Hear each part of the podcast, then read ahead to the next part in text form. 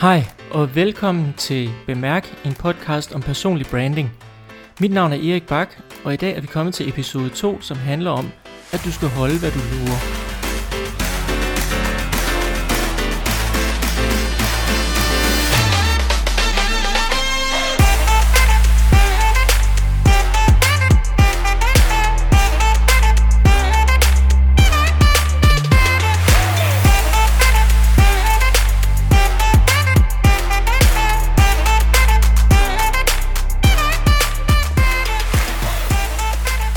Vil det egentlig sige at holde, hvad man lover? Det giver jo lidt sig selv, at når man lover at gøre noget, jamen så skal man jo også gøre det. Desværre så tror jeg bare tit, at vi ikke tænker over, når vi kommer til at bryde vores løfter. Det er ikke kun over for andre, det er også over for os selv. Og så kan man spørge sig selv, hvorfor er det egentlig så vigtigt i forhold til personlig branding, at man holder, hvad man lover? Det er fordi, man mister på troværdighed, og troværdighed er noget af det mest afgørende for personlig branding. Fordi hvis dit publikum eller dine kunder ikke ser det, du giver udtryk for, jamen så bliver oplevelsen, når de møder dig, en helt anden end den, de havde forventet. Så det er også et spørgsmål om, at man lever op til forventningerne. Vi bliver valgt på vores troværdighed. Vi bliver også valgt fra på vores troværdighed, hvis den ikke er der. Jeg tager udgangspunkt i den retoriske trekant øh, ethos, pathos og logos. Og troværdighed, det er en ret tungvejende del af, af dit ethos. Og personlig branding, det handler jo netop om, ja, man kan vel sige, det handler om at, at ikke bare at se godt ud, men at man også kan stå inden for det, man siger og det, man gør, og at man agerer i overensstemmelse med ens egne værdier – og gør man ikke det, jamen så virker man utroværdig. Og hvem er så egentlig lyst til at købe hos nogen, der er utroværdige? Eller i det hele taget have et samarbejde med nogen, der er utroværdige? Det vil vi jo ikke. Og der skal egentlig ikke ret meget til, før vi bliver stemplet som utroværdige. Ikke den, ikke den hårde forstand, men mere sådan i den der forstand, når vi lige møder et menneske for første gang, og vi ikke lige ved, hvor vi skal placere vedkommende, så kan vi hvis der bare er et eller andet, der ikke stemmer helt overens, jamen så bliver vi, så bliver vi valgt fra. Det er lidt ligesom, man siger, at det er inden for de første syv sekunder, når man møder et menneske, at man bliver puttet i en boks og enten valgt til eller fra. Og det kan virke barskt, at vi dømmer mennesker så hurtigt, men det gør vi altså. Og hvis vi gerne vil i den gode boks allerede fra starten af, så er det altså vigtigt, at vores troværdighed øh, den er på plads. Og en af de ting, vi kan gøre, det er at holde, hvad vi lover. Det er et kæmpe plus på vores troværdighed. Det er jo ikke svært at holde, hvad man lover over for sine venner og bekendte og kunder, hvis man siger, at jeg vil gøre det og det, og så, så gør man det. Altså lad os sige, at du har lovet at komme klokken 4, og du kommer klokken 4. Jamen, så er du jo til at stole på. Hvis du har et møde, og du så først kommer klokken 1 minut over 4, så bliver du ham, der altid kommer for sent. Det kan hurtigt tolkes som sløseri. Øh, det er måske ikke sådan, du har tænkt dig det, men det er sådan, det bliver tolket fra den andens synsvinkel. Det vil sige, at man nedprioriterer lige pludselig den andens tid. Det, det, det er et lille hug i troværdigheden. Så derfor er det vigtigt, at man holder, hvad man lover. Og lidt senere så vil jeg også give dig et par tips til, hvordan du kan bedre kan holde, hvad du lover, også i forbindelse med det at komme for sent, eller komme for tidligt. Fordi det er heller ikke altid smart at komme alt for tidligt.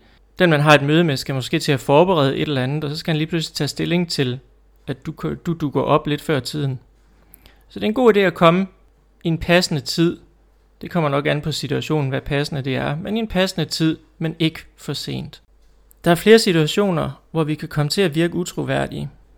Og for andre, der er det, når vi, lad os sige, vi snakker, vi taler nok med mange mennesker i løbet af en dag, øh, eller en uge, og så kommer vi til at love, jeg sender dig lige en e-mail på det og det og det. Og så kommer der lige noget andet ind, og noget tredje ind, og en person ringer, og, og lige pludselig så har vi glemt, at vi lovede at sende den der e-mail, og så går der et par dage, og personen i den anden, den kan ikke forstå, at den der e-mail, den bliver af. Det er sådan en situation, at det er vigtigt, at vi holder, hvad vi lover.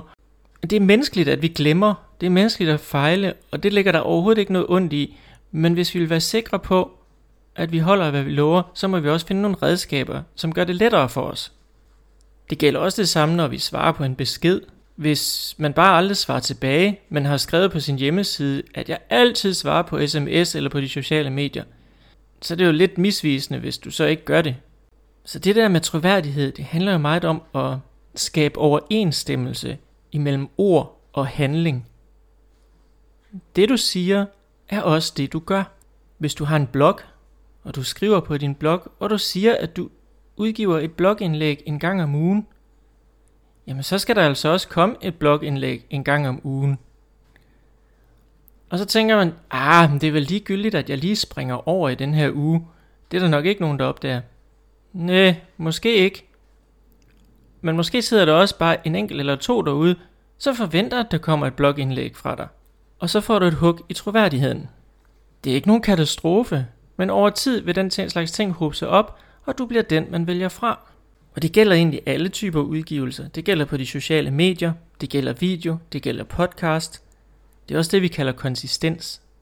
Konsistens er vigtig. Du har sikkert nogle venner i din vennekreds. Der er de venner, som tit aflyser en aftale, fordi der er noget andet, der lige kom ind. Ja, men øh, vi havde lige en 90 års fødselsdag, vi skulle til, eller ja, men arbejdet og bla bla bla. Min personlige holdning, det er, at øh, den, den aftale, der først kommer ind, det er også den, man holder. Og jeg laver sjældent om på aftaler, når jeg først har lavet en aftale. Det kræver selvfølgelig overblik. Det kræver, at man har styr på sin kalender. Og man, har, og man ved, hvad der kommer til at ske i ens liv. Okay, nogle gange kan der komme nogle uventede ting. Der kan være dødsfald, syg, øh, sygdom eller ulykke. Og det bliver som regel også tilgivet. Men hvis du bare aflyser en aftale til fordel for en anden aftale, du egentlig hellere vil have, det går ikke. I hvert fald ikke i min optik, fordi så nedprioriterer du den person, og så bliver du valgt fra. Så der skal være en tung vejende grund til at aflyse en aftale, efter min mening. Du har sikkert også en venner og veninde, som du ved, du altid kan regne med. Det er den slags personer, der altid stiller op, når du spørger om hjælp. Det er den person, du kan regne med, der er der klokken to, når du siger klokken to. Det er den person, der altid er der, hvor I har aftalt at mødes. For det er også lidt sjovt. Når man skal mødes et sted ude i byen, og vedkommende kommer for sent og siger, jamen jeg kunne ikke finde det. Nej. Men så, det, det, det er mangel på forberedelse. Fordi hvis man er lidt usikker på, hvor man skal hen, så vil man nok have slået op på et kort, inden man skal mødes. Det handler igen om at finde de rigtige værktøjer til at overholde sine aftaler. Så nu snakker vi meget om, om at holde, overholde aftaler over for andre. Men vi bliver faktisk også dømt på de aftaler, vi laver med os selv. Jeg var lidt inde på konsistens lige før. Hvis jeg for eksempel lover at udgive et blogindlæg hver mandag kl. 2, og jeg så ikke overholder den aftale med mig selv om at udgive et blogindlæg hver mandag kl. 2, så ender det med, at jeg sløser. Det vil sige, jeg får faktisk ikke udgivet. Det kan være, der går en uge. Det kan være, der går to, tre uger. På fjerde ugen, der tænker jeg, ah, nu skal jeg også udgive det der blogindlæg. Og så, øh, så udgiver jeg det måske om onsdagen klokken 7 om aftenen. Men på det tidspunkt, der er jeg allerede kommet ud af min vane og rutine med at skrive. Det har måske ikke den store indflydelse på Google og søgemaskinerne, at jeg ikke har udgivet de sidste tre uger. Men det har indflydelse på de mennesker, som følger mig, og som faktisk gerne vil læse de her blogindlæg. Det er heller ikke sikkert, at de fravælger mig på, på det grundlag. Men det ødelægger min arbejdsrutine og mine vaner. Det vil sige, det gør mig ikke bedre. Det gør mig lidt dårligere. Så det vil sige, hvis jeg siger, at jeg vil udgive et eller andet, det kan være blog, podcast, eller noget på sociale medier, jamen så er det også vigtigt, at jeg gør det. Hvis du skriver, at du er aktiv på LinkedIn, så er det heller ikke nok, at du bare sidder og læser, hvad andre de skriver. Du er også nødt til at gøre noget. Du er nødt til at synes godt om et eller andet. Du er nødt til at kommentere. Du er endda nødt til at slå noget op en gang imellem. Fordi folk de vil kigge ind på din tidslinje og på din aktivitet og se, hvad har du egentlig lavet? Og hvis ikke de kan se nogen aktivitet, så er du ikke aktiv. Selvom det er din opfattelse, at du er aktiv, så er du ikke aktiv i deres øjne. Så mister du på troværdighed. Man kunne også omvendt sige, at øh, måske kan du slet ikke lide sociale medier, du har meldt blankt ud. Jeg kan ikke lide sociale medier, jeg er ikke på dem. jamen det er da også fint. Så skal du også lade være med at være der. Hvis du så lige pludselig dukker op på de sociale medier, så vil folk tænke, jamen sagde han ikke? Og så stemmer det igen ikke overens med, med det du sagde og det du gør.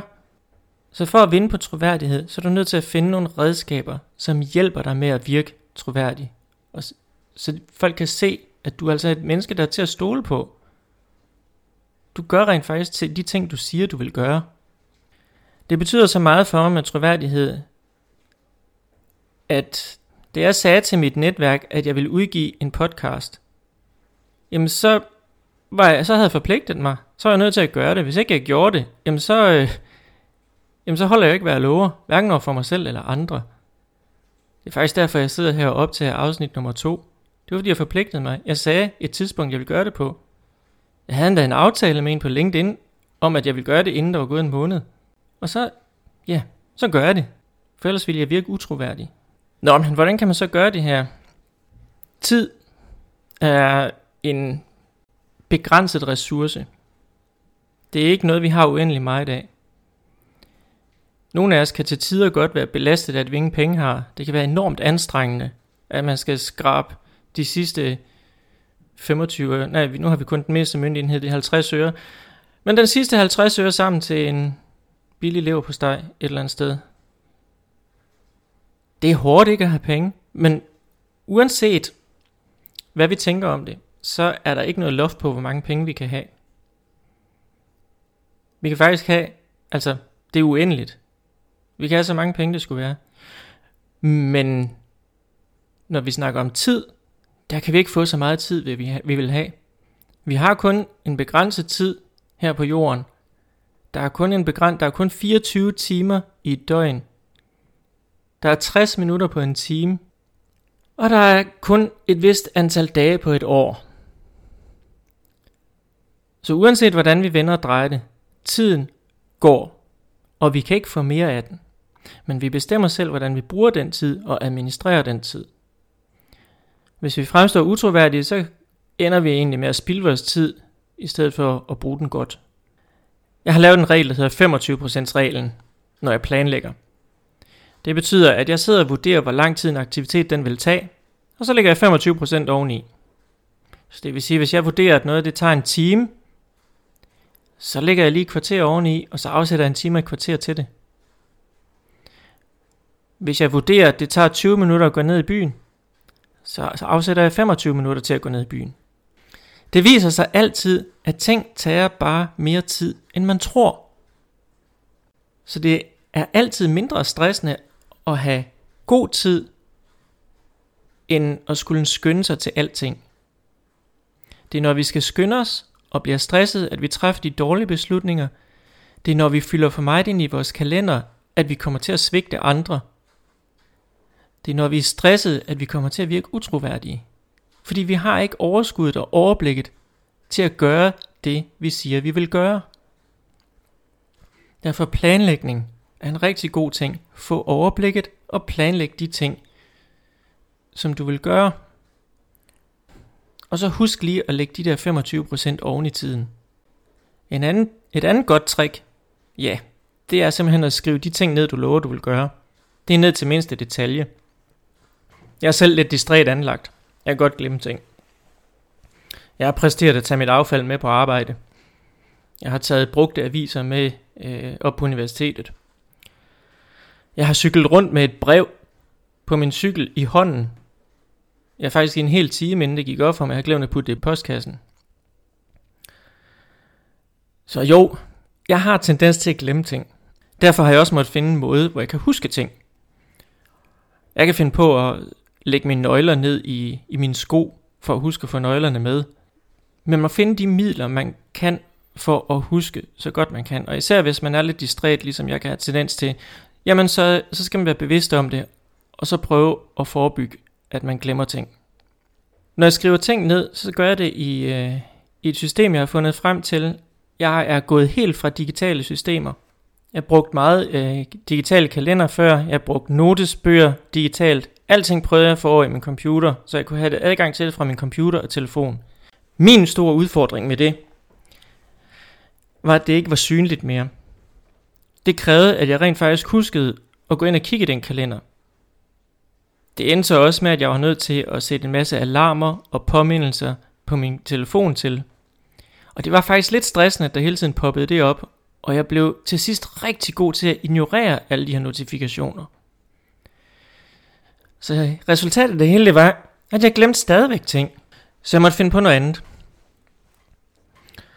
Og jeg gik faktisk over til noget så simpelt som at skrive det ned i hånden på et stykke papir. Med tiden så hobede de her noter så op, så jeg fandt frem til et andet system. Jeg tænkte, der må altså være nogen, som har fundet på et bedre system. Og der fandt jeg den her bullet journal. Nogen bruger den til at være meget kreativ i. Jeg bruger den mest til det praktiske. Jeg er ikke, jo, jeg vil ikke sige, at jeg ikke er kreativ, det er jeg, men øh, jeg bruger den til de praktiske ting, så der, der er ikke øh, tegnet små tegninger og hister her, men jeg bruger forskellige farvekoder øh, og, og skriver i den. En bullet journal øh, er bygget op på den måde, at man har sin kalender og noter samlet samme sted. Og man skriver i den kontinuerligt, så det vil sige, man kigger i den hver eneste dag, og kigger, hvad, hvad har jeg lavet af noter fra i går, og hvad skal jeg lave i dag. Så jeg glemmer ikke ting. Alt hvad jeg skal huske, det skriver jeg herinde i, for jeg ved, at jeg kigger i den hver dag. Jeg har lige pludselig gjort det hele synligt. Og udover at have gjort det synligt, så har jeg også aktiveret forskellige dele af min hjerne ved at skrive det manuelt, i stedet for at gøre det digitalt. Så det vil sige, at jeg husker faktisk bedre ved at skrive ned i den her bog. Det kan være, at det er et andet system, der fungerer godt for dig. Uanset, så vil jeg stærkt anbefale, at du skriver ting ned, især hvis du har tendens til at glemme dem. Og den sidste, jamen det er konsistens, helt enkelt. Men hvordan er, hvordan er man egentlig konsistent? Fordi hvordan, hvordan overholder man det, man har sagt, man vil gøre? For hvordan bliver man ved med at gøre de ting, man har sagt, man vil gøre? At være konsistent, konsistent det er, at man, man opbygger nogle rigtig gode vaner. Vil du for eksempel gerne skrive på en blog, jamen så er det en god idé, at du skriver hver dag. Mindst 10 minutter. Det er ikke meget at skrive 10 minutter, men du vil blive overrasket over, hvor meget man faktisk kan nå at skrive på 10 minutter med de rigtige teknikker. Og hvis man øh, skal udgive et blogindlæg, eller en podcast, eller noget andet en gang om ugen, jamen så skriv det i kalenderen, så du ved, hvornår det skal udgives. På den måde får du opbygget gode vaner og gode rutiner. Og det er det, der skal til for at være konsistent.